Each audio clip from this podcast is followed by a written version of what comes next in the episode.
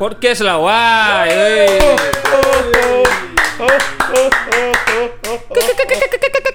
Oh, kebetulan malam ini malam Jumat Oh, ini ya, Eman ya. Yo, Ya udahlah kita gas aja lah ya. Biasa aja kan? lah.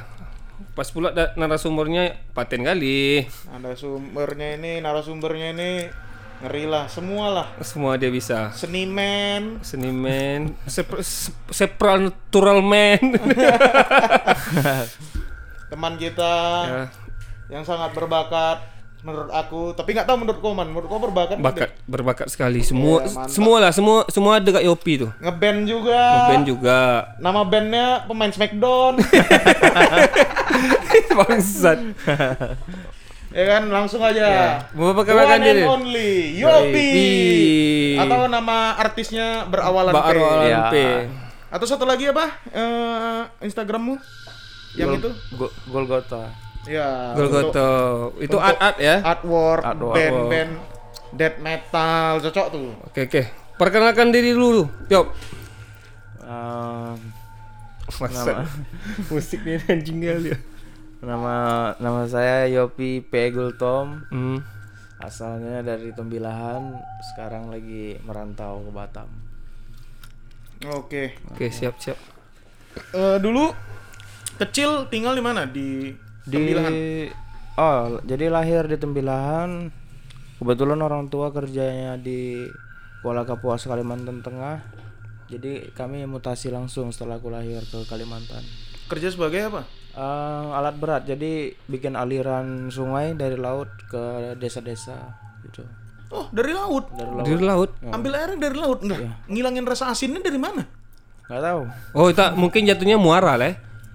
Ya. awalnya dia mereka bikin danau Heeh. jadi karena Kalimantan itu nggak bisa dijembatani lewat eh, danau jadi dibuat sungai jadi mereka punya proyek itu di Kalimantan Tengah Oh, mak buat sungai kok. Berapa berapa panjang tuh, Yop?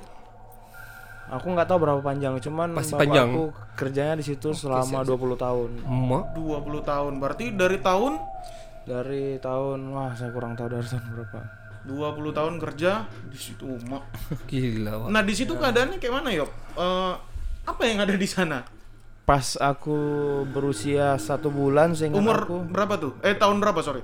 eh, 2000 tahun 2000 Nah, tahun 2000 saya udah di sana terus umur saya sekitar empat tahun mhm, mhm. jadi saya, kami sekeluarga pun tinggal bukan dengan masyarakat eh, kampung jadi kami tinggal tuh memang diasuh sama orang-orang suku Dayak setempat Kayak gimana tuh? Suku eh, terus terus terus. jadi di situ aku merasa aneh kan yang berpakaian baju tuh cuman aku sendiri gitu Mhm. Anak-anak Dan keluargamu gitu ya. dan keluarga Mhm. Jadi anak-anak yang lain yang ada di sekitar sana pakaiannya ya apa adanya daun, bulu-bulu binatang gitu-gitu. Keren nggak, Yop? Keren nggak? Aku merasa aneh di situ. Oh, dia aneh, Oh, karena masih kecil ya. Karena masih kecil. Cuman aku bangga aku pernah la- pernah hidup di sana. Karena mereka nggak mandang ras siapa kami gitu. Mhm. Oke, siap siap. siap. Malah terbuka ya. Terbuka. Cuman aku dikasih tahu sama bapak kepala suku sana, kebetulan kami tinggal dengan suku burung hitam.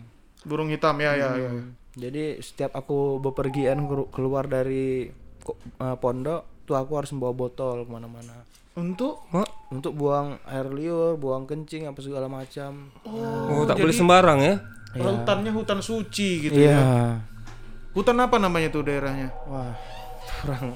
Wah, di Kuala Kapuas tuh, desanya Kuala Kapuas. Isinya berapa orang untuk itu orang-orang itu? Um, sekitar 4 kakak kalau menurut Empat kakak 20 lah ya, 20 orang 20 mungkin di orang. situ ya. Iya. Tambah kalian Tambah kami ya 21. Anjing. Itu sekitar berapa tahun aku di sana sebelum kejadian perang sampit. Nah, itu kami diungsikan sama TNI. Oke. Sebelum masuk perang sampit eh, yang itunya. Kau tahu nggak kurang lebih ceritanya yang masuk ke kuping kau tuh perang sampit ini sebenarnya apa sih? Nah, Abu-abu sekali loh kok itu. kata sekarang ya. kata ibu masalah pendatang ada suku pendatang baru yang bercocok tanam di sana. Orang Kalimantan mengizinkan. Mhm. Eh buktinya kalian aja diterima, jatuh Diterima, hangatnya iya. gitu. Jadi ada ada satu masalah yang mereka mengingkar- mengingkari janji ke, ke- ke pihak-pihak suku-suku di sana kan. Jadi dia kasih lokasi untuk bercocok tanam dan hasilnya dibagi dua gitu. Mhm. Ini menurut cerita ibu, Ya, ya, ibu saya. Setelah itu uh, suku yang berbeda ini yang dikasih lahan sama orang Daya ini bawa semua pasukannya, saudara-saudaranya untuk bercocok tanam di sana dan memakan banyak uh, tanah di suku Dayak tanpa seizin mereka. Itu awal mula mereka merasa dicurangi. Versi ibu ko ya. Versi ibu ya. Itu kejadiannya di Kalimantan Barat ya. Kalimantan Tengah, awalnya. Pad- Padahal kok di Kalimantan? Kalimantan Tengah. Oh, oke. Kuala Pas pula Kapuas, emang ya. iya. Oke, oke, oke. Cuman sampit dari sampit ke Kapuas itu butuh waktu perjalanan sekitar berapa jam gitu saya kurang ngerti. Hmm, hmm, hmm. Pokoknya terakhir di Kuala Kapuas akhirnya. Mhm. Terus sampit yang betul-betul meledak perangnya di sana antara dua suku tersebut. Berarti udah banyak juga yang suku pendatang ini datang ya. Banyak mereka memang orang yang baik suku Dayak. Jadi Hmm. mereka jangan diingkari apa yang pernah kita janjikan. Betul, betul, betul. Mhm. Semua orang lah, semua orang macam gitu. Bukan Iya, udah janji pasti harus ditepati gitu kan. Cuman orang kota aja emang brengsek. janji, Poin janji, aja janji. ya. Betul, betul. Orang kota yang brengsek. Terus eh, diungsikan tadi. Diungsikan Ah, ke mana? jadi, jadi kami diungsikan ke Kalimantan Barat, terus tepatnya ke Banjarmasin. Setelah itu Terus? dikirim ke ini ke saya eh, aku kebetulan cuman bisa pergi tuh sama ibu. Mhm. Jadi ibu lagi mengandung juga tuh mengandung adik aku yang yang nomor dua kan. Jadi kami pergi diungsikan dan aku tuh diselimutin kan hitam pada saat itu supaya aku tidak bisa tidak lihat mayat bertaburan Oh, karena ya, Pam. itu awal mula aku stres sampai sekarang. Aku lihat kepala di jalanan, lihat ya, mayat bunuh-bunuhan gitulah. Berserak, berserakan mayat di jalanan. Jadi aku ditutup pakai bedong supaya aku nggak liatin itu gitu. Awalnya aku stres tuh di situ. Itu awal mula itu stres. awal aku mulai stres sejak kecil. Tapi orang tua belum mencurigai itu. Nah, terus kami pindah ke Tembilahan. Nah, aku akhirnya sekolah di sana sampai aku lulus SMA. Nah, SMA. eh, kan banyak sih Bang Siur tuh. Kalau suku Dayak nih ilmunya tinggi nih.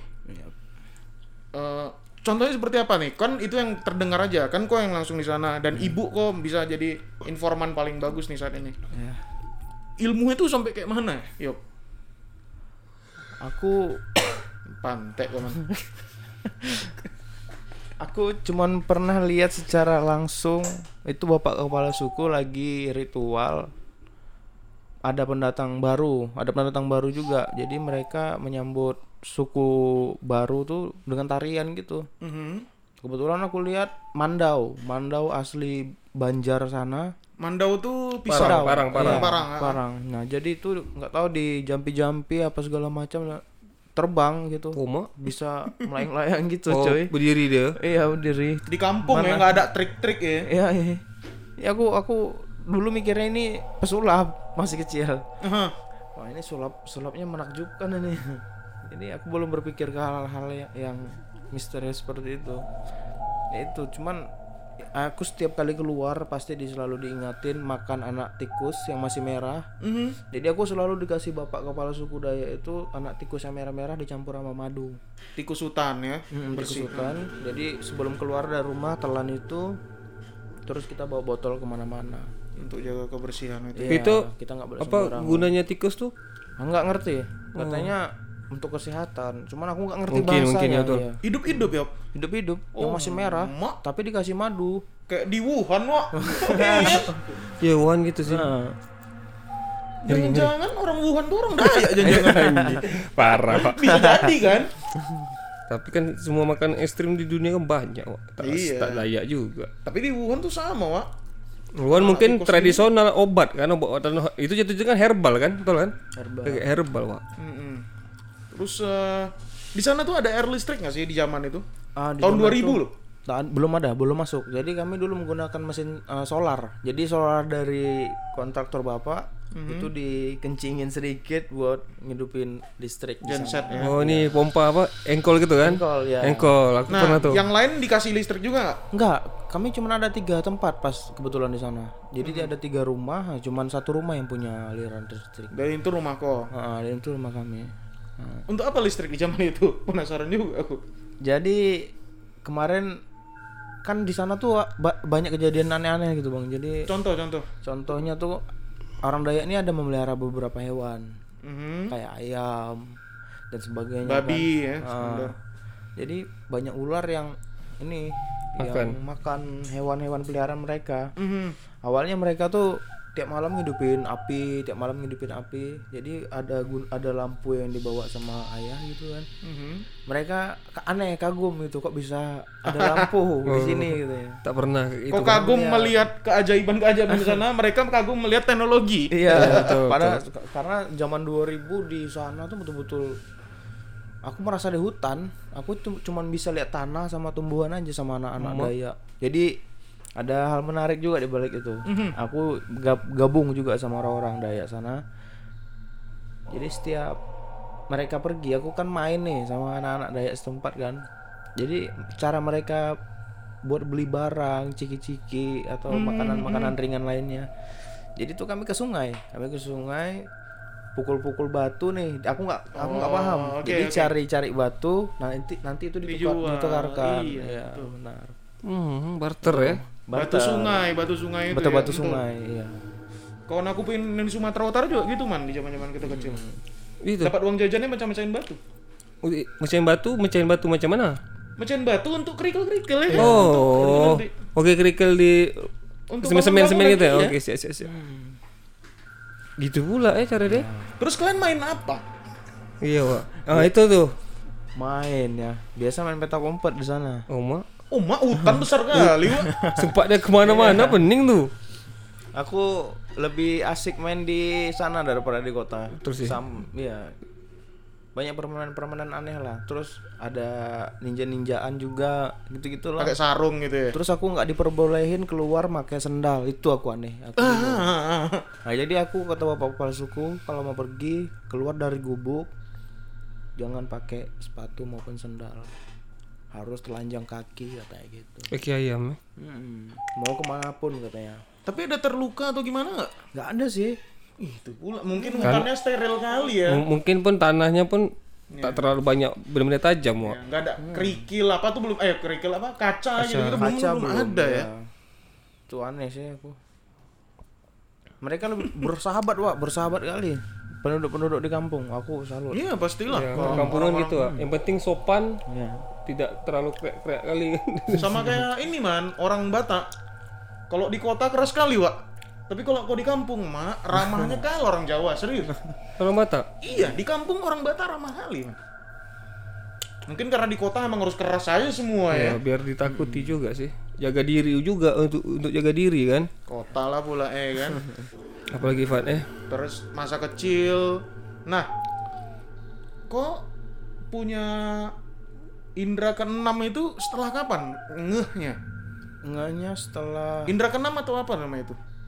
Ah, aku nggak ngerti juga. Pokoknya itulah bisa melihat ya, alam Indigo lain. sama indigo sama tak indigo? Nah. Six, six sense banyak lah banyak Indonesia aku belum, belum bisa mendep. definisikan kok itu apa ya. Iya benar. Tapi kok baru nyadar itu kapan? Baru sadar tuh setelah usia 8 tahun. Jadi aku mimpi Itu di mana? Di, di Tembilahan, udah, Oh, udah, Tembilahan. Tembilahan. Jadi orang tua masih di sana, orang tua cowok. Hmm. Mereka nggak boleh di, ya jadi laki- pekerja laki-laki di hutan itu tidak diperbolehkan meninggalkan tempat selama masa perang suku. Hmm. Mhm. Oh, pas perang suku kok balik. Mm-mm, kami dimutasiin sama TNI, TNI Angkatan Laut. Oh ini yang, yang dijemput itu kan? yang dijemput ya ya akhirnya bapak aku aku lama tuh nggak pernah jumpa sekitar 15 tahun Oh, mak 15 tahun berarti baru lima tahun lalu ketemu berarti. Eh, ya Iya kan? hmm. Aku kabur dari rumah gara-gara dia pulang terus dia makan anjing aku itu awal mulanya aku merantau Oh. nah karena dia di sana memang terbiasa lihat hewan yang mungkin bisa dimakan apa sama dia Digas. digas Untuk bertahan kucing nih. pun digas dia Instingnya seperti itu ya iya mungkin ya tapi aku nggak terima karena aku rawatnya dari bayi apa segala macam gitu. Oke, sabar lu, jangan ke Oke, sabar oke. lu. Yang ini Oh, yang iya. umur 8 tahun tuh, nyadarnya gimana tuh? Saudara gimana tuh? Jadi aku mimpi, Hmm? aku kasih tahu ke ibu, bu. Oh awalnya bula- belum mimpi nih. Sebelum mimpi itu aku punya teman. Mhm. Aku punya teman namanya Bora. Oh itu udah lama tuh. Udah lama. Oh berarti Bora tuh udah lama ya. Udah lama. Dia tanggal 18 Mei nanti ulang tahun. Ulang tahun. Mak diingat betul. Oke. Jadi dia jadi ibu tuh heran aku selalu melukis di dinding kan. Dinding pakai kapur atau pakai pensil crayon gitu-gitu. Hmm. Dibilang aku ngomong sendiri.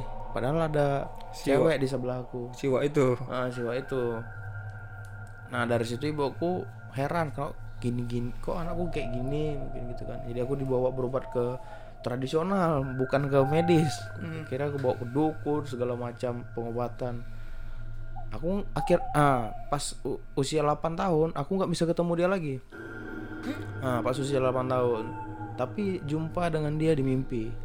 Jadi aku terakhir sebelum usia 8 tahun dibawa ke Medan diobatin sama dukun datu kata orang Medan sana bilang jadi aku dilemparin pakai padi darah babi apa segala macam gitu di ya diritualin gitulah Hmm. diritualin akhirnya aku nggak bisa lihat sama sekali memang pas setelah diritualin itu tapi dalam mimpi aku tetap masih di Jumpain dia. Ah, jadi dia masih ada di alam mimpi.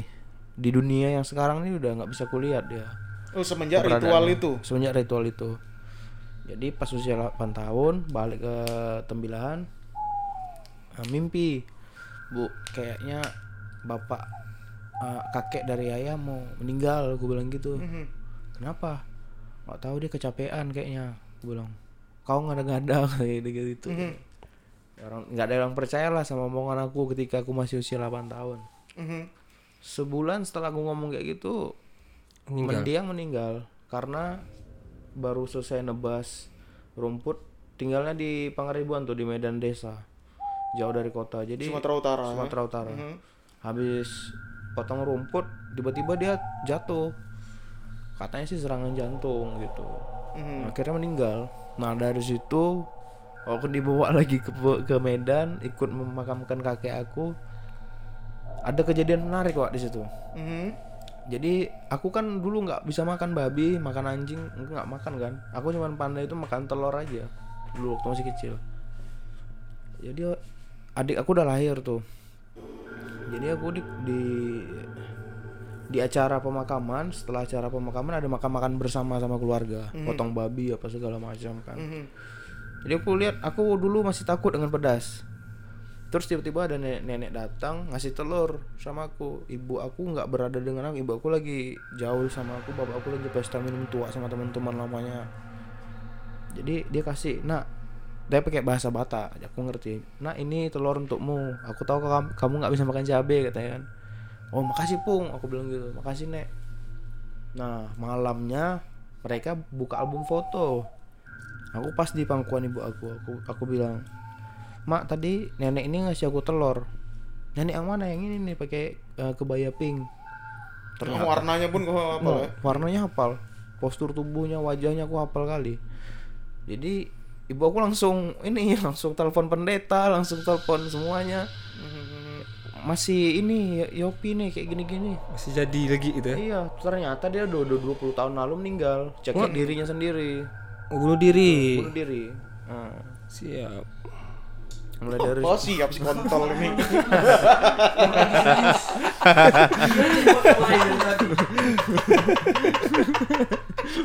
Marah operator. tegang tegang tegang nah setelah itu barulah mulai dewasa aku udah mulai jauhin aku setiap ya setiap sebulan sekali berobat tradisional dulu. Berobat tradisional? Ya. Apa ya? kalau kalau di Tembilan tuh kebetulan ada orang Banjar dari Kalimantan. Oh, oh. jadi namanya pidaraan. Jadi kalau aku demam atau mimpi buruk bisa bangun ah, aku salah satu penyakit yang punya penyakit ini nih. Kalau tidur suka pindah-pindah. Dulu waktu kecil. Ah, jadi tidur tiba-tiba nanti mandi bawa bawa ransel. Eh, mau sekolah mak kataku kata ibu aku mataku tertutup tapi aku hafal semua jalan rumah. Di mana baju sekolah di mana itu. Itu mereka bingung. Terus aku pernah coret juga Tuhan Yesus itu pakai cat merah di frame-nya. Nah dari situlah dia marah. Aku nggak boleh melukis dan bermusik setelah itu. Oh, di zaman itu udah bermusik. Itu yang- bermusik? Yang nyoret bingkai bingkai Jesus itu aku tahun umur berapa kok? itu umur 7 tahun Oh, 7 tahun. Oh, mak udah black metal. nah kebetulan Gorgorot. iya kebetulan kan baru dimutasi tuh kami belum punya rumah jadi aku mutasi ke rumah eh, an- anak cu- anaknya aku bilang apa ya Family lah, keluarga. family. bilang jadi family ini eh, generasi Sepultura Oh, Obituari dia gitaris Oh, Oke. nah jadi aku dulu jadi ibu dulu kan kerjanya kredit baju ya Hmm. jadi juga bel- eh, secondan lah dulu ibu kerjanya dulu jadi seminggu sekali aku dititipin ke situ setiap hari Sabtu Hmm. dari kecil aku tuh nggak pernah dengerin musik selain obituari, Sepultura dan segala macamnya. Mantap. Dia memang main ah, pas di zaman-zaman 2000 dia main gitar, main-main kayak gitu. Jadi ya aku disuguhin sama musik-musik kayak gitu. cocok. Chaos. Nah gambarnya tuh sering aku lihat di kejadian nyata itu kayak kan artwork artwork yang banyak ditempel di rumah itu yang ginjalnya keluar apa ususnya viscera gitu-gitu kan artwork artworknya metal ya itu awalnya aku takut tapi lama-lama metal tuh, death Nah, metal. awalnya takut lama-lama terbiasa itu Usus tuh burai. Tapi gua udah main musik atau mendengarkan musik? mendengarkan musik pada usia Tapi mendengarkan yang genre seperti itu karena dicokokin sama om yang seperti itu. iya Oke. makanya aku taunya dulu Sepultura pertama kali tahu band keras itu Sepultura Sepultura Brazil. Brazil Cavalera. Idol, Cavalera idol. Cavalera banget. Gimbal.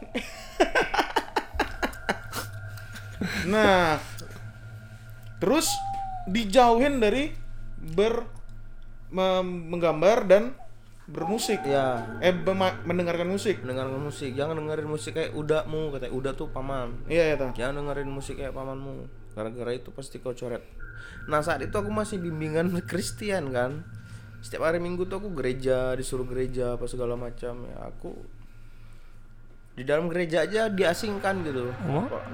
Iya. maksudnya? jadi di dalam gereja tuh eh, ada namanya pergumulan eh, sekolah minggu namanya kalau Oke, untuk anak muda. untuk anak muda ya karena aku gimana ya aku karena jarang bersosialisasi sama orang aku tuh selalu di belakang dan mereka pun menjauhi itu karena aneh gitu.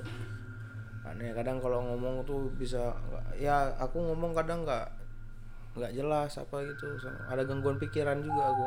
Mhm. nah dari situ mereka nggak nggak pernah mau dekat apa segala macam terus lingkungan berteman juga di tembilahan tuh aduh susah. Jadi di tembilahan tuh kami non mayoritas jadi tau lah Hmm. kalau udah di sana tuh wah ini anak ini anak anak orang Kristen Batak lagi makan babi haram nih jangan ditemenin. Nah gitu. Padahal kok nggak makan daging ya. aku nggak makan. Mhm. Nah setelah itu aku makan makan bang. Makan tapi cuman makan daging babi. Karena udah nggak ada lauk lagi kan di rumah ibu cuman punya lauk itu ya udah gas. Tapi anjing nggak nggak makan. Oke. Terus bapakmu pa- pulang? Makan pulang, anjing. dia makan anjing aku udah. Aku bertengkar. Aku cabut dari tembilahan pas itu. Ke? Ke Pekanbaru dulu.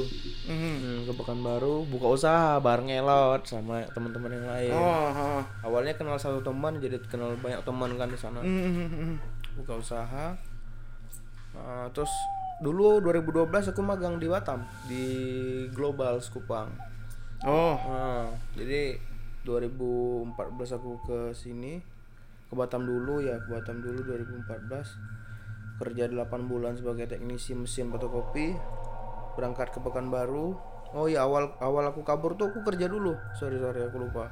Kerja dulu di Batam selama satu tahun baru ke Pekanbaru buka usaha selama 8 bulan lepas dari situ aku banyak dapat asupan asupan kan di luar tembilahan ternyata lebih nyaman berteman daripada di tembilahan kenapa?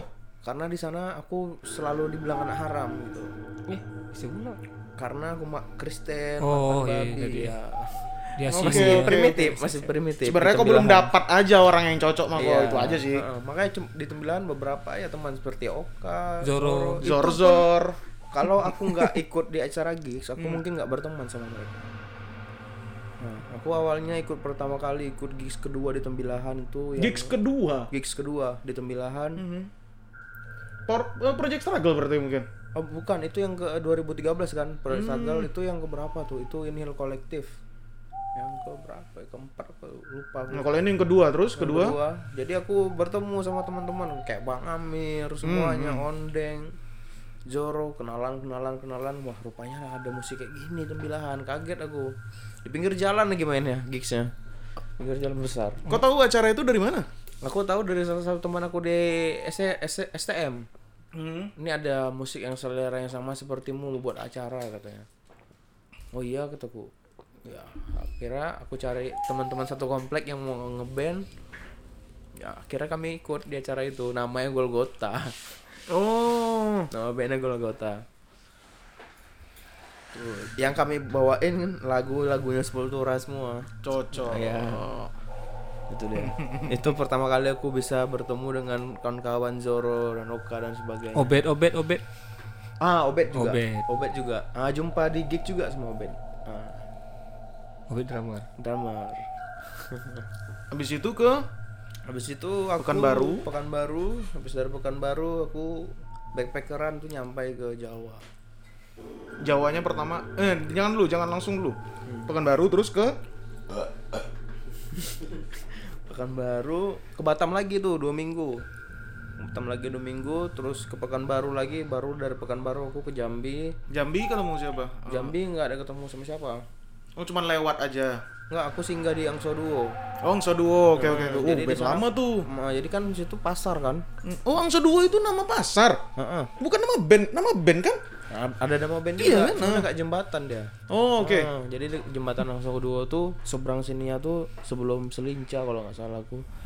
Jadi di situ ada orang jualan sayur, tempe segala macam. Aku cari uangnya di situ dulu. Setiap jam 3 subuh tuh kami bangun. Anak-anak pang-pang situ bangun. Mhm. Jadi nanti orang ada naruh eh, tahu ke ke tong di pinggir jalan yang masih panas itu kami pindahin ke dalam eh, dalam wadah ke warung-warung gitu. Jadi digaji satu hari itu sekitar 20.000 ribu Mhm. pada saat itu. Nah, aku bertahan hidupnya dari situ di Jambi. Terus setelah itu setelah dari Jambi aku ke Palembang. Pas di dekat jembatan Amperanya ada yang apa? Em, gali cabe namanya kalau orang sana bilang kencing cabe. Jadi orang-orang yang jual cabe yang misalkan jadi ad- banyak kelicikan coy so, di pasar nih sebenarnya. Hmm. Orang satu karung tuh misalkan di labelin 30 kilo Iya. ternyata sebelum di truk sebelum dituang ke pasar itu dipangkas yang dipangkas ini nanti yang dihasilkan duit untuk supir sama ABK BK nya Oh, oke, oke. Oh, jadi yang dipangkas dia inilah untuk kami jual lagi itu jadi di situ sebenarnya tidak 30 kilo 28 kilo 29 kilo. Jadi se- sekilo sekilo jadi it- itulah untungnya. Dibagi-bagikan korupsi korupsi. Nah, setelah dari situ aku ke Lampung. Nah di Lampung tuh aku nggak diizinkan masuk ke dalam musola. Itu pertama kali pengalaman pengalaman aku. Sampai ke Lampung. Karena? Penampilan dulu straight abis soalnya dulu kan. Rambut pirang-pirangan gitu-gitu lah tapi aku nggak punya handphone dulu tapi kenapa kau ke musola itu pertanyaan? Kita, ya makanya kenapa pula tuh? aku cuman lihat musola itu Wak, sebagai aku pengen bersihin diri gitu Hmm. ternyata nggak dikasih sama orang orang sana Oh, orang sana keras sekali ya pengurus tempat nggak izinkan Hmm. dia lihat KTP aku Nasrani soalnya Oh, oke. Terus bersihin diri gimana? jadi ya aku ke pom bensin akhirnya jauh dari tempat itu Hmm. dari dari musola itu ibu ikut truk terus sampai ke Merak akhirnya aku nyampe ke Cikupa Tangerang di Cikupa Tangerang itu kan banyak pabrik tuh Mhm. jadi aku kerja di situ sebagai penjual ini penjual apa Eh, kayak brosur brosur sales sales Oh, bagi-bagian Ah, brosur, ah. ah. sambil jual-jual baju second aku dulu Mhm. lewat Facebook jadi ke internet tuh cas 2000 ngecas handphone 2000 gitu Anjing. Diduitin semua ya. keren pak Masih Keren ini pokoknya. kultur tembilahan baju second. second Baju jadi second. aku bawa banyak tuh dulu bawa tiga tas sempat dikejar juga sama satpol pp waktu di Cikupa Tangerang Wah, macam-macam lah kejadian aneh-aneh Seru ya. Ya. Nah, yang paling aneh lagi tuh aku di Purbalingga. Aku sudah nyampe Purbalingga, Purbalingga tuh Jawa Barat masih. Jawa Tengah. Oh, udah Jawa Tengah. Jadi kau skip Ah, aku Skip Jakarta langsung Bandung. dari Cikupa tuh lang oh dari iya dari Cikupa langsung ke Purbalingga Mhm. Naik apa tuh? naik bus bus sayur Mhm. dari Cikupa Truk sayur. ya truk sayur ya, Bas lo sayur. lori lori lori lori. Eh, jadi nak mau ke mana saya mau ke mana aja pak aku bilang kan Anjing, oke. Pasrah, aku mau ke Purbalingga loh kata dia gas aku bilang aku ikut pak aku bantu bantu ya aku dulu nggak tahu waktu aku ambil keputusan aku tuh mau backpackeran tuh aku, aku bingung aku nih.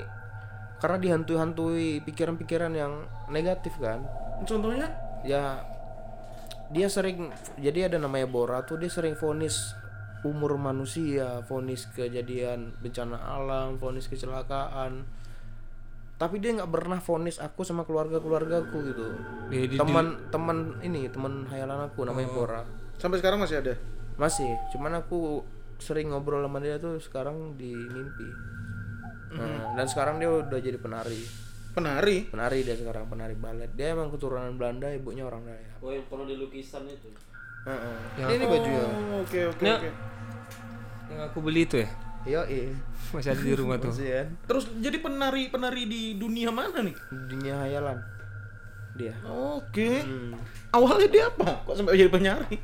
Gimana? Sampai jadi penari awalnya apa deh? Pura. Nah, Anak-anak aja.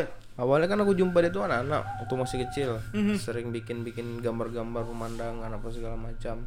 Aku sempat hilang kontak tuh dari SMP sampai kelas 3 SMK. nggak pernah jumpa dia lagi di mimpi nih. Terakhir jumpa pas aku di Purbalingga. Pas udah tamat sekolah tuh tahun 2016. Aku tamat 2013. 2016 dia jumpai aku di mimpi dan bilang sekarang aku udah bisa nari katanya. Aku aku aku ikut les nari kata dia gitu. Aku udah jadi gurunya ya? Iya. aneh aneh. Terus dia bilang ini bakal banyak kejadian yang parah katanya untuk tahun-tahun berikutnya. Aku sengaja kasih tahu ini supaya kamu berhati-hati katanya gitu. 2016. Dari 2016. Nah, Contohnya kejadian contohnya kejadian paman aku dia salah satu dia kasih salah satu ini salah satu salah satu prediksi pamanmu ada yang selingkuh udah dua, dua tahun nggak nggak terungkap katanya gitu. Mhm. akhirnya aku cerita berani cerita kak ke ibu. Bu gini gini gini. Ada paman dia kerja di luar kota ternyata dia udah selingkuh selama dua tahun ini. Awalnya ibu nggak percaya. Terus dia kasih tahu ke ke istrinya yang pertama itu kan Hmm. Oh, ada du- banyak istri rupanya. Iya. Tak dikasih tahu ternyata benar kejadiannya. Pihak, pihak istri menghubungi kantornya kan. Pak ini atas nama si Torus benar nggak ada istrinya di sini di sini. Jadi istrinya ini dulu tukang masak di kantin, selingkuhannya sorry, selingkuhannya ini masak di kantin perusahaan gitu. Ternyata benar mereka udah satu rumah, udah punya anak selama dua tahun dia kerja di luar. Nah dari situ ibu aku sampai sekarang percaya sama aku apa yang aku sebutin. Kejadian itu terungkap dua tahun. Nah itu. Yang lain lagi? Yang lain lagi bibi aku sendiri. Mhm. Nah ibu aku semakin penasaran sama aku nih. Dikorek terus ya kan. Korek terus. Siapa lagi nih kata dia kan mau mati. Wih, ibu senang ya dengan orang mati bilang gitu kan enggak. Aku mau tahu aja. Itulah pas di depan rumah kita nanti mau meninggal tuh. Gue bilang gitu. Jadi di depan rumah kami itu bibi saudara. Mhm, mhm. Itu bilahan. itu yang bilang jadi seminggu setelah aku kasih tahu ke ibu akhirnya dia keluar rumah tanpa sendal nyari nyari aku ibu itu aku posisi di Bandung masih ibu nangis nangis nelfon kok bibi tiba-tiba keluar rumah nangis nangis manggil manggil nama Yopi nggak berani masuk ke rumah gitu. Oh, mak. mana Yopi mana Yopi? Dia bilang gitu kan. Yopi nggak ada di sini dia di Bandung. Aku mau jumpa dia katanya. Jadi sebulan setelah itu sebulan setelah itu dia gantung diri di belakang rumahnya. Cocok. nah ternyata diselidiki sama rumah sakit dia punya penyakit kronis setelah operasi. Jadi eh, ada ke- gagal gitu. Alamak. itu penyakit yang buat dia bu- bunuh diri. Malpraktek lah gitu ya. Hmm. di sana Waduh. Nah, tapi kenapa di Purbalingga? karena Dia ngasih tahu alasan nggak atau gimana? siapa Si Bora ini. Enggak, Bo- Bora ngasih taunya tuh menyeluruh, dia mengglobal. Bukan, pas di Purbalingga dia kembali lagi. Oh iya, Iya kan? pas aku di sana dia kembali lagi ya. Kenapa tuh? Ada dijelasin alasan nggak? dia? Bilang aku bakalan ke Parangtritis, katanya. Si Bora. Isubora bilang, kok bisa aku ke sana ya? Ada nggak? Dia nggak kasih tahu. Dia ngomongnya sedikit-sedikit aja. Terus akhirnya memang benar. Aku kira ke Pur- Purwokerto kan. Setelah dari Purbalingga, jumpa teman SMP di sana, kenalan melalui Facebook. Jumpa. Nah satu kos sama dia ini di dekat Unsut tuh masih ingat tuh aku nama ka- kampusnya Seraya. Mhm. Jadi pas di samping Unsut Unsur tuh apa? Universitas Sudirman. Sudirman. Oh, oke. Purwokerto. Oke. Nah, jadi satu kelompok satu kosan itu ada dukun. Mhm. Dukun inilah ilmu putih kata mereka situ. Aku pertama kali datang di sana langsung diajak barengan sama dia buat apa sih namanya? Eh, Zikir, zikir. Zikir Ah. barengan yuk kata dia. Ke mana? Ke mana Pak? Ke Jogja. Hah? Ke Jogja? Iya, Parentaritis. Aku tapi aku bukan muslim loh, aku bilang gitu kan. Nggak apa kamu ikut aja katanya. Mhm. Dia tertarik, nggak tahu kenapa dia tertarik kan. Mhm. akhirnya aku parentaritis ya orang tuh aku cuman liatin aja mereka berdoa mereka ritual.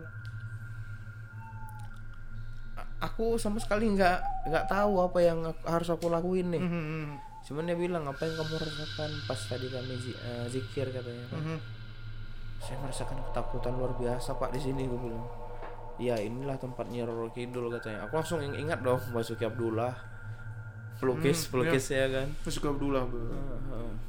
dia berani melukis. Dia kan ceritanya ada tuh Basuki Abdullah melu kalau dia melukisnya Roro Kidul modelnya pasti mas- pasti mati gitu.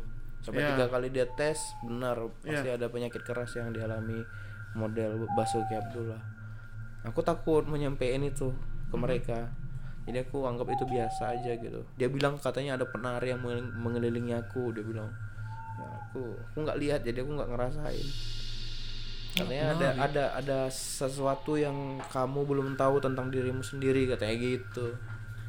Nah setelah itu aku abaikan. Mhm. jadi banyak lagi penglihatan-penglihatan yang lainnya. Aku ke- akhirnya ke Bandung setelah itu. Dapat kabar kawan dari Pekanbaru namanya Bang El minta tolong bantuin jualan di Jacklot nah aku akhirnya berangkat ke Bandung. Berangkat ke Bandung jumpalah sama anak-anak Pekanbaru yang ada di sana kayak komunal dan segala macam gitu kan kami ikut Jacklot lu. Udah ya rame ikut Jacklot terus aku kerja habis dari situ aku kerja di studio foto. Tempatnya si Gogo sama si Rio dulu di Bisling Nagoya. Di Batam. di Bandung leadernya. Oh, nah, jadi aku barengan kerja sama leadernya kekurangan karyawan di Batam akhirnya aku dikirim ke Batam. Batam lagi. Batam lagi, lagi. balik lagi ke Batam dari Bandung. Nah, pas di Batam itu banyak kali mimpi-mimpi aneh yang kejadiannya tuh udah udah ada yang banyak kejadian lah. Contoh. Nah, contohnya kayak kemarin aku ada tulis beberapa karyawan setelah aku keluar dari setelah aku keluar dari Bisling kan ngelamar jadi barista lagi tuh. Ngelamar jadi barista tiba-tiba Bu Bora kasih tahu nanti ini bakalan kayak gini nih nih, nih kar- karyawannya semuanya hancur kafenya bakalan tutup segala macam dia kasih tahu itu Mhm. jadi aku stres dong nggak bisa kerja normal kan kasih tahu setiap kali itu dikasih tahu dalam mimpi itu yang dikasih tahu terus akhirnya berhenti. Berkali-kali ya. berkali-kali akhirnya emang benar beberapa karyawan tuh keluar secara secara tidak terhormat gitu secara kasar lah Di mana? di Rubeka Oh, oh. Oke, ada Urbeko. Oke, oke. nah setelah itu buka cabang nih melesat nih kan penjualan mereka akhirnya mereka berani buka cabang tuh di City Walk Mhm. Padahal salahnya tuh di Rio yang menyebabkan kesalahan kalau tempat itu bakalan tutup nih. Kalau nggak ada aku, kan terancam mereka kan. Jadi mungkin bos lagi hilang kendali, Rio tuh udah lempar sama Kenlap. Posisinya aku di belakang gua nggak lihat kan. Kira aku esok sama Rio langsung ngajuin resign. Nah setelah itu setelah ngajuin resign tiga bulan setelah kami ngajuin resign nama kami di blacklist nih di semua coffee shop Ya. Batam. Pernah dengar aku ceritanya tuh. Nah, setelah tiga bulan aku join sama Dadang tuh, ya kan? Ya. Setelah itu, nah, terus Oh, Rio ini basisnya Blem ya? Rio, bukan. Rio foto. Nah, Rio foto. Rio oh. Rio. Rio. Oh, Oke, oke, dah, dah, dah, Nah. dapat, dah, dah. Jadi setelah tiga bulan aku Hmm. cabut dari sana, Steward benar tutup, Iya sih. ya tutup Rubekanya dan ya itu. Terus aku juga ada pernah nulis aku ada di handphone uh, screenshotnya. Jadi bro tuh ngasih tahu nih ada saudaramu bakalan mati mati bunuh diri katanya. Wah ini siapa lagi nih? Aku nggak tahu. Dia nggak kasih tahu orangnya. Mhm. jadi itu aku tulis tanggal 6 bulan 11 2018 ta tahun 2019 bulan 2 tanggal 18 saudaraku bunuh diri polisi di Batu Ampar Ya. Nah itu Aku lukiskan ada peti mati Terus ada cross salib di atasnya di kertas itu Pasti orang Kristen dong. Iya, Kalau orang iya. Islam. Jadi tiba-tiba ibu nelpon Yap paman kau meninggal bunuh diri katanya Udah sejak lama mah aku tahu gue bilang Nah setelah itu aku bikin beberapa gambar lagi Seperti gunung meletus Longsor Terus ada air besar yang menghantam rumah-rumah. Donald Trump pun masuk di situ. Jadi aku bikin tuh mm, tanggal 6 bulan 11 2018 Donald Trump tuh bakalan sakit terus dia akan meninggal. Itu itu yang belum terjadi sampai sekarang. Oh, iya. aku lihat ada peperangan juga. Jadi ada beberapa pesawat tempur tuh lagi perang sampai mengenai gedung gede gitu. Mhm. Nah itu Itu yang- belum terjadi. itu belum terjadi sisa gambar yang semua aku buat kayak gunung meletus apa itu udah terjadi Yunus Medulung meletus itu yang mana? nah yang kedua kali kan aku pernah upload lagi tuh meletus wak kedua kalinya Krakatau Mhm. Oh. yang pertama kan yang sampai ke Banten yang sampai Ya, ada ya, personil band yang ikut terserang uh, tsunami Tsunami itu Seventeen. apa ya maksudnya? Seventeen. Seventeen. Nah, itu sebelumnya aku udah tulis 2018. Mhm. Nah, itu. Eh terjadinya 2019 ya. Nomor togel bisa, ayo. Nah, itu aku pernah kan bapakku jualan togel dulu kan. Oke, mau nyambung Oh, siap, kok ya? siap. Oke, lanjut. Jadi bapak Melenceng udah, ya. udah udah PHK dari pekerjaan, akhirnya dia pulang. Aku cabut dari rumah tuh, dia nanya-nanya, Yopi masa nggak bisa sih bacain togel kata. Aku tanya nih kan, mak kalau bisa togel aku bisa kaya dong nih. Mikir. Tapi dia nggak akan pernah mau kasih tahu jawaban itu. Nggak nggak nggak bisa. Dia nggak nanya tapi ngasih tahu ya. Mm-mm. Dia dia terus ngasih tahu. Berarti dia tak boleh nanya, Wak. Harus dia kasih tahu gitu kan. Sebagian besar ya, sebagian kecil kita bisa nanya juga sama dia. Cuman, Cuman yang apa yang kau tanya? Penasaran aku. jadi aku pernah nanya kan, aku nih harus gimana gitu. Hmm. Aku nih pekerjaan apa yang harus aku geluti gitu yang yang yang bisa buat aku fokus gitu. Dia nggak pernah mau jawab. Terus aku bilang juga masalah ini masalah seksual nih. Asik. Sedap. aku aku bukan di duniamu aku bilang kan aku juga pengen di dunia nyata punya punya pasangan hidup lah gitu minimal punya pacar lah gitu ya kan Mhm. Saya pacarannya sama bayangan jadi ya itu dia dia nggak mau kasih tahu sama sekali aku nggak mau pergi jauh darimu katanya dia itu aja dia bilang jadi aku nggak tahu solusinya sampai sekarang gimana Tapi mungkin ini seandainya nih ya, kau punya cewek nih. Si Bora nih marah apa tidak? Menurut engkau? marah dia Pasti marah. Oh shit. Oke. Pasti diganggu yang pacar kau ini pasti kan? pengganggu berat bang dia aku beberapa kali ada deketin cewek cuman nggak nggak tahu tiba-tiba perasaan aku yang minder apa segala macam Mungkin dikontrol sama dia mungkin. Mungkin. iya mungkin, Mungkin. sih Banyak juga kayak gitu sih. Aku nggak ngerti secara, secara medis aku ini nggak ngerti penyakitnya apa gitu belum tahu aku udah konsultasi juga sama psikiater di Batam dan dua bulan ini dia belum bisa diagnosa masih unspesifik Heeh. Karena memang kalau untuk apa psi- psikologi emang beda-beda. Iya. Misalnya orang ini warnanya biru, tapi nggak pasti biru, biru campur ini pasti gabung-gabung gitu. Jadi nggak mungkin satu gitu loh, susah loh. Ngeprediksikan orang itu ini nggak bisa, sebenarnya nggak bisa. Pakai tahap mungkin, Pak. Apa macam Dia mana? lebih condong, Wak. Nggak bisa memastikan dia tuh ini.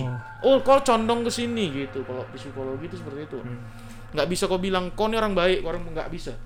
Kau ini gini-gini, tapi gini, pasti gitulah. iya Oh, ada tapi-tapi gitu ya. Iya, bisa dibilang pasti. setiap konsultasi sama dokter tuh aku nanya itu aku nih penyakitnya apa ya kita tunggu obat ini reaksinya bagaimana tiap bulannya kata Oh, dia. dikasih. dikasih obat resep. Cuman sama sekali nggak berpengaruh pak. Sama setiap kali aku mimpi tuh aku nggak pernah mimpi nyaman. Mimpi aku tuh selalu buruk. Itu Itu datang frekuensinya gimana? Seminggu berapa kali kok untuk mimpi buruk itu? tiga empat kali ya. Tiga empat kali. Efeknya ke kok? efeknya ke aku cemas aku. Aku aku tuh merasa terancam. Aku tuh kayak kayak tak berguna gitu hidup di dunia ini kok aku dapat gini-gini aja gitu. Makanya Jadi, aku aku tanya sama dia aku nih seharusnya ke mana nih? Aku tanya dokter juga aku harusnya gimana dok? Gitu gitu belum ada jawaban sampai sekarang. Hmm. Tuh. Tapi macam Bora nih, tiba macam kau lagi diam, tiba-tiba dia muncul di luar di selain kau dia muncul pernah tak? Oh itu dia bilang bukan dia. Pernah. Jadi sekali di mana ya? Di waktu di kosan pertama di Mediterran tuh. Ah, Jadi tiba-tiba aku buka, buka kamar ada cewek gitu kan pakai baju hitam. Wih, Bor ngapain di sini nih? Kok bisa nyata ya? Aku lihat pas aku tut aku buka pintu le- makin lebar udah hilang. Aku tanya dalam mimpi, bukan itu bukan aku katanya. oh. Kalau yang macam yang kita ke- yang terjadi sama kita. Dia dia takut banget ya sama sama abang. tak. Tak gini wa jadi pernah satu malam tuh di Little Piece wa eh? Little Base dulu namanya. aku tole eh aku tole sama Bang Endra. Minum anggur anggur merah satu kotak. Cocok. ini tak tahu apa-apa si Yopi. Nangis wa nangis itu masuk dia. Suara dia berubah kan kasar kan? Oh gitu kan? Dia bilang dia penunggu depan pohon apa? Rebecca aku tantang di situ. Panpe. aku tantang Bang Hendra bilang jangan aku tantang. Aku bilang kau yang berani pijak tanahku aku. Bilang gitu kan. Bakar kau bilang gitu. Masuk Bang Hendra. Bang Hendra dah, ban- dah peluk dia kuat kan dia berontak. Hmm. aku tepuk meja aku tepuk sini dia.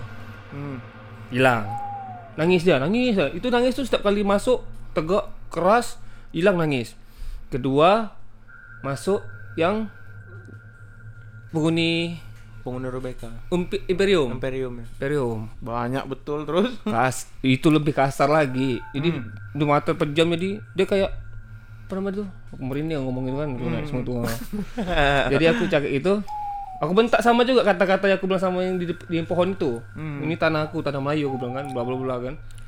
Hilang nangis yang ke- ketiga Bora. Itu tak tahu Bora apa bukan, tak tahu lah kan. Suaranya halus sekali. Jangan ganggu Yopi. Aku pasti jaga dia, di- aku pasti jaga dia kata Bang Hendra kemarin ya. Aduh Bang Hendra baca-baca di telinga tak tahu baca-baca apa. Hmm. Kata dia jangan ganggu Yopi. Gitu ya. Kalau ganggu aku pasti apa tak apa kalau dia kenapa-kenapa aku pun kenapa-kenapa kata si Bora. Hmm. Lepas tu hilang kata Bang Hendra. Ada satu nunggu. Bi, tah bibik tah siapa tuh? Bibik kau apa meninggal kan? Aku ya. Di depan di depan apa namanya itu? Kaca yang kaca art space itu. Hmm. Kan ada kaca, lagi nunggu jongkok, nunggu nunggu celah di, mau masuk ke dia. Hmm. Asing itu dia muntah, dia muntah, dia nangis muntah, aku bawa ke dalam. Dia mata-mata macam tahu orang mabuk kan? Ya ya. ya. Oh, dah bibikku mau masuk, aku bilang usah, bilang. Bang Hendra tahan terus telinga tutup, telinga dia terus. Besok-besok Bang Man aku kok bisa di dalam? Situ Bang Hendra, itulah Bang Hendra pun ada bantu juga situ kan. Itu Bang Hendra tuh rasaku ada juga dia pegang tuh. Ada ya.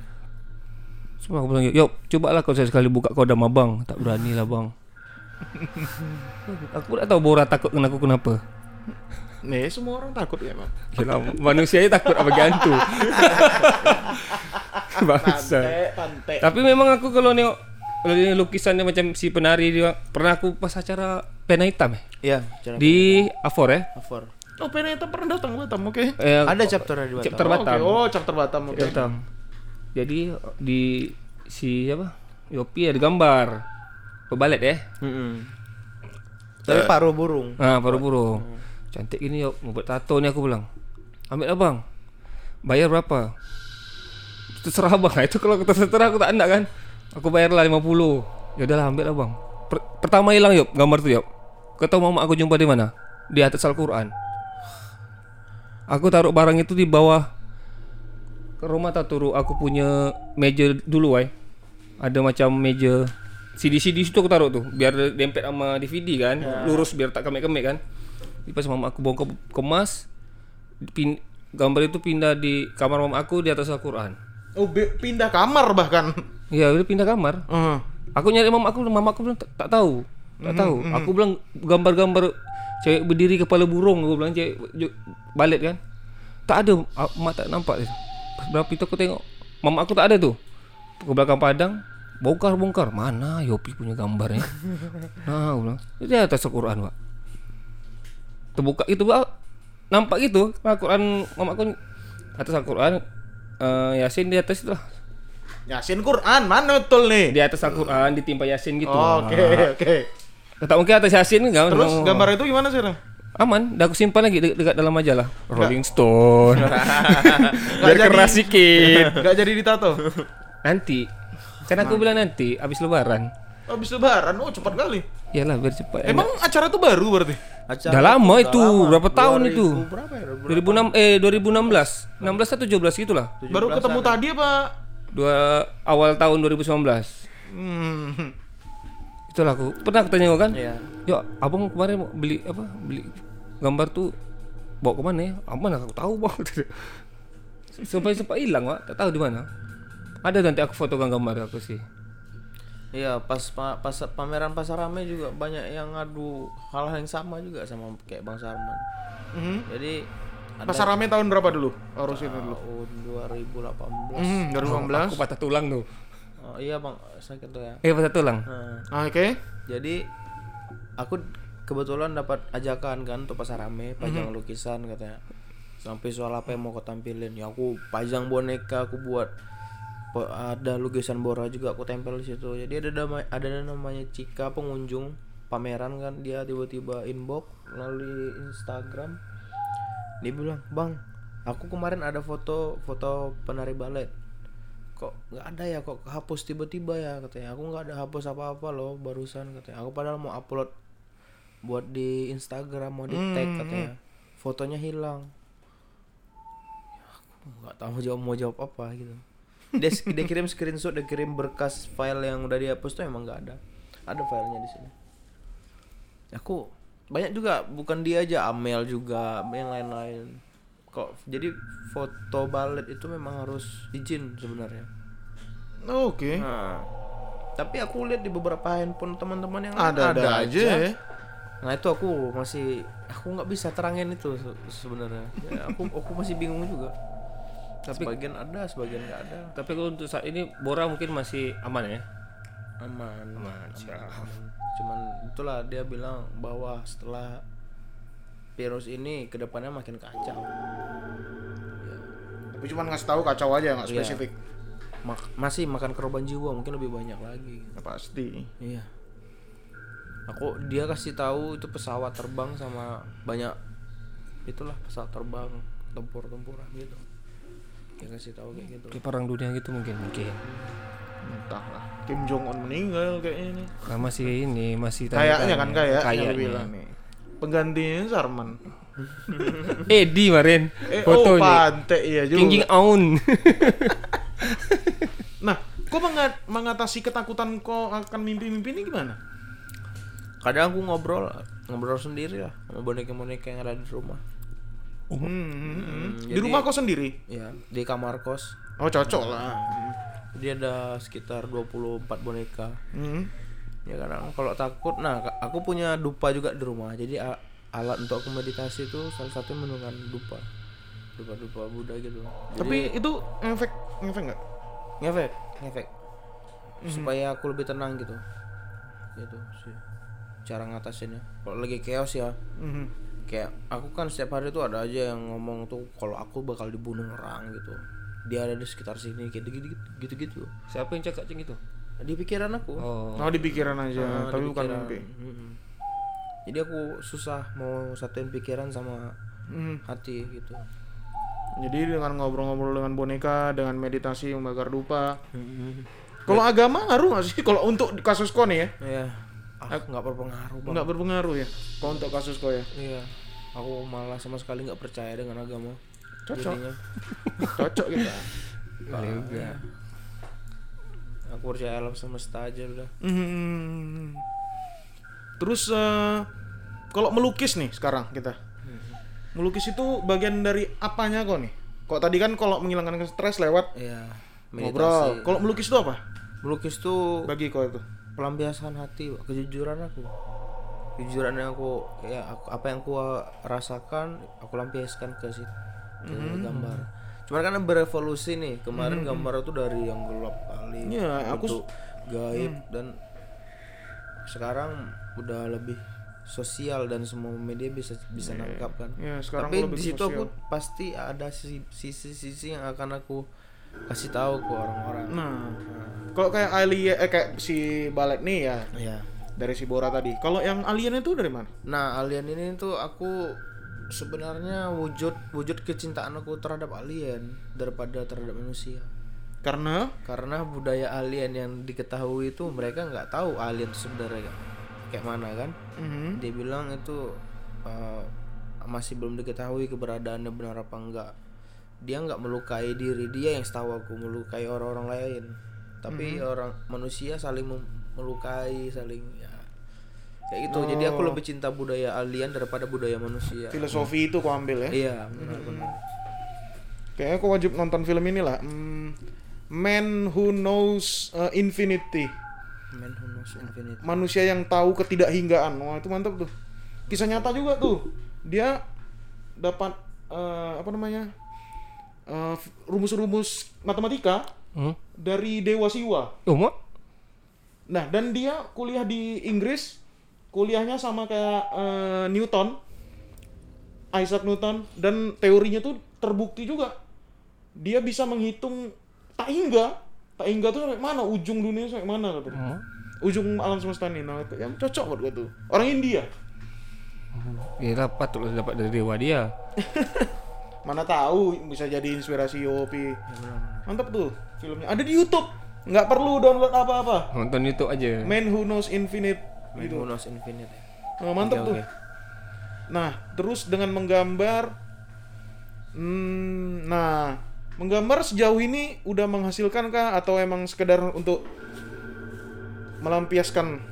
Oh, sementara ini masih melampiaskan sih. Ya, tapi kok kemarin ngubungin aku mau cari Iya, itu kan. kurator apa segala macam. Udah aku hubungin orang Cemeti. Kemarin kan Cemeti kan datang sini kan. Iya. Cocok. Heeh. Udah hubungin? belum belum aku ber- belum berani hubungin tuh Belum lah. karena Tunggu corona, corona, kontol iya. ini dulu lah ya. menghambat semua aku pengen pengen kali Wak Batam tuh punya galeri Singapura pun bisa kita hubungin. Singapura bisa. Gampang tuh. Eh, si botak, kru-kru noise kan artwork artwork juga tuh. Oh, ini. Botak Saleh. Ini Siapa? siapa yang mukanya hancur tuh? Asia Asraf. Itu geng harus kau pegang. iya Ya, aku baru point. barusan aku follow aku barusan follow Itu harus kau follow. Iya. Dia megang tuh di Singapura. Ya, Wak. Asraf megang ya, Asraf. Dia ngeri awoknya tuh. Sama lah kayak ke modelnya tuh. Kalau untuk melukis-melukis dia. Aku suka dia buat tulisan tapi bulat gitu. Wah, keren kali, Wak. Aku Itulah di- Di dari orang yang kekurangan tuh pasti ada kelebihan kan, betul kan? Tapi ada satu lu- yang apa tanya lukisanku yang pakai apa tangan ya? oh iya Yang sombau semua itu. Yang dilukis dia. Ah, Oh. Itu apa tuh? ah jadi Sampai sekarang aku belum tahu tuh. jadi kemarin tuh kan aku keterbatasan dana kayak cat apa segala macam kebetulan Deon sama Katon tuh ninggalin cat hitam sedikit tuh di dalam eh, plastik ada kanvas kosong nih wah ada ada kanvas kosong tapi nggak ada cat aku nggak ada cat kan. Aku hubungin anak-anak pinjam catnya ya wah aku pakai dulu pakai aja yuk katanya aku timpa ke kanvas kurang masih nih. Kurang. Jadi aku ambil oli-oli di motor orang tuh rantai-rantai motor orang terrrr. Tapi jadinya gila yuk. ya Keren. itu itu s- ah, sebenarnya keterbatasan judul lukisannya cuman aku nggak kasih ukurannya pun aku nggak tahu karena kanvasnya pun aku dikasih juga Main gas di tempat eh. dia main kasih tempat aja udah pakai oli motor sama cat air punya teman keterbatasan juga penting tuh. Penting. Kayak siapa? Maestro Jogja siapa namanya tuh? Avandi. Di Oh, dia kan keterbatasan. iya Keterbatasan dana sampai pakai goni. Hmm, gua ada aku tuh.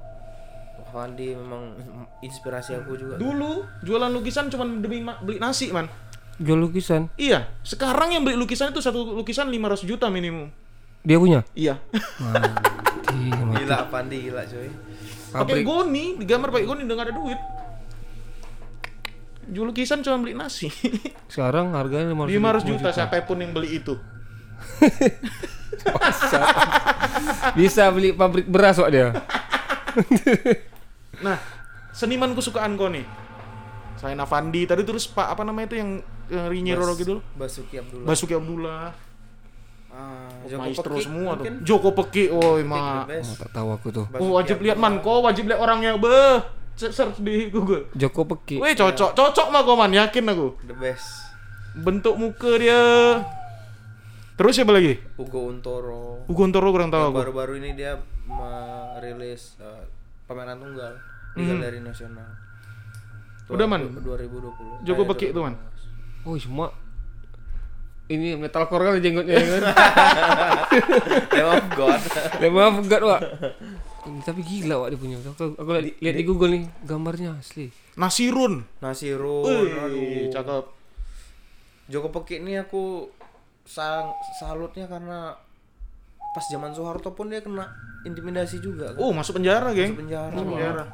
Karena apa? Karena lukisan. Apa macam mana? Dia masuk ini asosiasi seniman di zaman itu. Oh. Terka itu ber- punya kaitan dengan PKI lah zaman itu gitu. Iya. Juga. Padahal Soekarno udah pernah bilang angkat angka ah, apa? Seniman aku jangan dipungut katanya. hmm. Boleh yang lain itu Joko Peki yang ngomong kayak gitu. Karena Soekarno memang basicnya arsitek kan. Ya, gambar-gambar. gambar. Melukis juga. Melukis juga dia. Ada satu lukisan dia yang aku suka tuh. Itu dilukis sama dua pelukis ya. Dullah sama Soekarno. Nama lukisannya Rini. Dan sampai sekarang aku nggak tahu Rini itu siapa. Masih Oh, cewek itu Iya, ya. Ya, cewek. oke oke oke Iya, oke. Iya, benar-benar. Itu dilukis sama Soekarno. Basuki Abdullah. Oh, Eh, mak inspirasi megang juga, tuh. Iya. Tapi Nasirun kayak menjasat ya. Ini Nasirun, kau cari Nasirun ya? Enggak nih menjasat. Woi, ganteng, geng. Menjasat, Wak. Nasirun itu genteng rumahnya digambar sama dia. Iya. Genteng rumahnya untuk apa sama dia? Tapi Nasirun identik sama warna merah ya. Asik, Sarman, main kali. Kita kita di sini. Anjing. Apa pelukisnya warna merah semua? Kalau Joko Peki itu gambar paling bagus ini yang babi digantung itu. Ya, babe digantung. Itu melambang. Aduh, itu sedih kali ceritanya. Apa ceritanya? Itu yang dia bilang eh, saya menggunakan bahasa hewan dia bilang kan karena kalau udah celeng ya ke bawahnya pasti celeng semua kata gitu. Hmm. Aku lihat, waduh, ini ini ini cerdas sekali, Wak. Padahal gambarnya cuma ngangkat babi. Iya, maka Itu cerita pas ini Soeharto turun. Langsung ngegambar itu dan katanya gede kali gede gambarnya. kali gambarnya, Bang. Iya. Segede ini kali ya dinding ini. Gila lah Joko. Peki. Eh, nah Joko Peki ya. Joko Peki. Aduh, kita aku juga pengen gambar sih, cuman mahal ya ternyata. Hobi menggambar nih mahal sekali, mahal sekali. Tapi Yopi walaupun mahal Wak tapi dia bisa yang seadanya dia buat dia gambar Iya. tuh. Jadi apa yang macam tinta tadi dia bilang oli-oli apa rantai bisa juga jadi seni Wak. Kabarnya aku dapat dari Deon, dia ngegambar pakai money. Iya, benar, Wak. Oh iya iya iya iya iya iya. Emak. jadi jadi aku jadi jadi itu tahun berapa ya? Dua, satu tahun yang lalu apa dua tahun yang lalu? Hmm. jadi aku gara-gara di blacklist dari semua coffee shop di Batam aku stres nih mak kemarin. Jadi aku punya cat sisa-sisa cat di ru- di kamar kosan. Aku ini aku taburin ke kertas medianya kertas tuh nggak ada kanvas kan. Terus lama-lama aku mikir "Bo- kalau aku kasih sperma nih bakal beranak cucu nggak ya kayak gitu padahal nggak mungkin kan padahal nggak mungkin nggak tahu kenapa aku tiba-tiba mikir kayak gitu aku nonton bokep coli wa coli tes tembak ke lukisan abstrak itu aku buat captionnya di Instagram ada tuh cepat besar ya nak ah, itu. Asik. siap. Nice. Kau gambar apa waktu itu? abstrak Abstrak, oke. abstrak jadi aku siram semua cat terus hampir kering aku simpan semua sperma aku di dalam botol botol kecil terus aku tumpahin pelan-pelan aku timpa sama cat Pernah kau pajang nggak tuh? itu nggak akan pernah Oh, aku pajang Ah, pertama kali pernah aku pajang itu di eh, rumah pohon Oh. Setelah itu aku nggak pernah bawa lagi. Mana kawan-kawan tuh pegang bisa lengket. Apa nih, Yop? Gak ada orang bersin. itu kawan-kawan pada bingung tuh kok kau eksperimennya kok kayak gini ya. ya kan tanpa batas, Wak. Iya aku bilang. Tapi bagus tuh belum ada, Yop. Aku pengen lebih dari ini malah Pak. Aku bilang itu dia. Cuman nah, ya itu aku belum bisa kontrol diri aku dengan baik. Iya, betul. Itu itu salah. Itu masih permasalahan di diri aku. Banyak makan toge lah. Sama kelapa yang isi ingus itu. Oh coba ngobrol-ngobrol sama Lucong Ya, sama. Yopi ini. Dia kan yang ngebuat uh, fontnya God God Maker kan. Mak Yopi itu paling megang mak katanya yang gambar. Dia tuh orang yang ku tahu yang paling jago nggambar kata dia. Si Lucong. Lucong. Lucong kontol. Iya, iya, iya. Soalnya dulu 2014 aku tuh jumpa sama Bang Pelor sama si Fijar itu Hmm. pas lagi kami kami buka usaha tuh aku barengan Elot sama Rio kan kok kedai Milsek mereka lagi diskusi eh, artwork aku pertama kali kenal artwork itu 2014 Baru ternyata ya. 2014 aku kenal artwork dan Fijar kasih tahu caranya. Yop gini gini artwork gini gini. Gini akhirnya aku kolaborasi barengan dia untuk supply desainnya ke distro-distro nasional.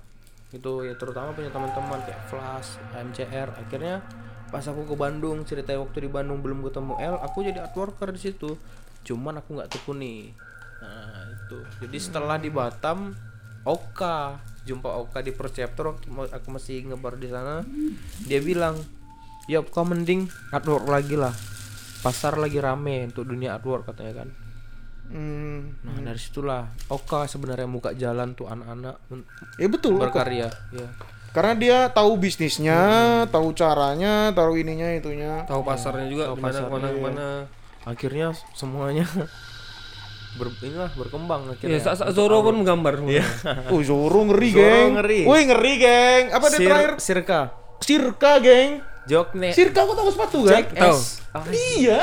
dia yang buat wah Serius kau? Sirka Eropa sekarang dia geng. Ah, mana kau betul-betul Ya sikit lah. serius buka, buka lah. Mysterious Four. Yang gambar nah, bumi bakar ganja ya. Iya. Dipakai Sirka di Eropa. kita- Sirka yang pakai itu Knoxville apa? Johnny Knoxville, Steve O ya kan, Jack S, M Wah, orang itu. Ya, Jack iya S. man. Anjing lah. Ntar lagi Supreme nih man. Apa namanya? Mysterious Four. Pakai Y, M Y Misterius. M Y. Mysterious Four. Misterius. For Four empat. Four. mis. Wah, ya tak ada. Alah mak. Yang gambar merah itu ya? Yang gambar bumi ada gambar bumi. Mana nih? Alah. Paling lama paling baru. Baru-baru itu man. Gambar baju ada gambar baju? Baju tak ada.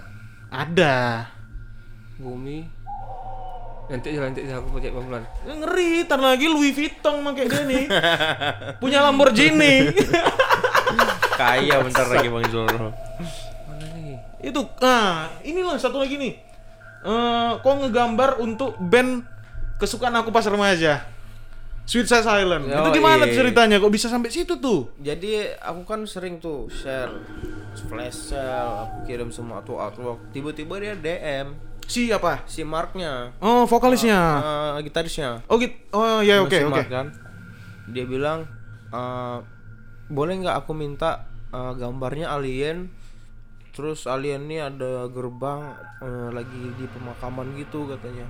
Lagi mau mencabik-cabik eh, ini manusia ya aku bilang aku langsung kasih dia aku bilang kalau jika kamu mau aku awal nggak tahu kalau dia gitaris sesuai silent kan hmm. jadi aku bilang DP dulu aku bilang DP dulu 50 dolar Hmm. jadi setelah itu baru kita ini aku kasih Kerjakan lah ya. kerjakan tiga kali revisi setelahnya baru kamu kirim semua uangnya aku bilang kayak gitu ya tapi aku nggak nggak bakalan ngasih tahu kamu kapan artwork ini akan ku publikasikan Rilis, Nah, awalnya dia bilang kemarin untuk overload untuk rilisan single dia dua Ya. minggu ke depan setelah itu kan. Mhm. ternyata dia bilang ini mungkin dipakai untuk di masa depan. Kami sudah pakai 9 artwork untuk minggu ini kata dia.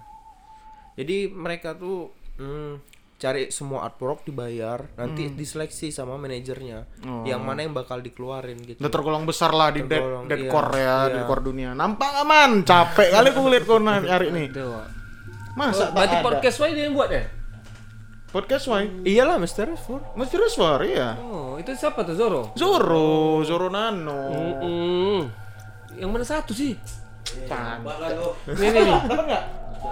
Ini nih ya. Mana? Mana satu tuh? Itu yang atasnya hijau tuh. Ini. Bawah. Nomor tiga. Kiri, Kiri. kiri, kiri. Bumi tuh ah, ya itu ah. Geser kanan. Anjing. Ngeri kan kan gitu kan? Sini ke Eropa, Wak. Jackass dong Dulu Sirka cuman kita lihat-lihat sepatunya aja kan. Iya. Sekarang kawan awak eh bikin ngeri kan kawan awak. Wah, orang ngewak aku. Ngeri kan kawan kita kan. Ini susah silent. Medi ngebuat ini loh. Apa Mountain Face apa lupa aku. Festival bir untuk Amerika. Fedi, Iya, artworknya dari dia. anak Batam nih dalam-dalam dia gila babi rupanya. Maka Medi di rumah terus banyak duitnya. ngeri ngeri Segan kita man minta artwork orang ini sekarang. Nah itu aku ada punya punya sa- sama Bang Erwin kemarin per- sempat ngobrol tuh untuk masalah player gigs atau apa pun event untuk anak-anak. Kamu bikin komunitas di grup, jadi nanti ba- ganti-gantian. Misalnya gigs Hmm. uh, untuk bulan ke depan, siapa yang mau nurunin player dari artwork siapa nih? Misalkan aku gitu. Jadi sistemnya kayak gitu. Kalau aku buat gigs sih emang gue gilir kalau aku pribadi. Iya. Zoro ini ini gue gilir. Bak- bakalan kata Bang Erwin sih nanti bakalan ada kayak gitu ya katanya. Oke sih Bang aku bilang. Ada sih satu artwork dia langsung ku save ada. Rahasia tapi yang- oh. Nanti Godmaker kayaknya dia juga yang megang kayaknya. Aku minta izin lucong kontol itu dulu. Kalau Agung itu nggak dianggap itu Agung. Agung itu. Agung kontol. Agung miskin. Kontol. Ya Agung miskin. Agung miskin. Nah, ramalan apa terakhir Yop yang keluar dari mimpi kau nih Yop? Ya. Eh,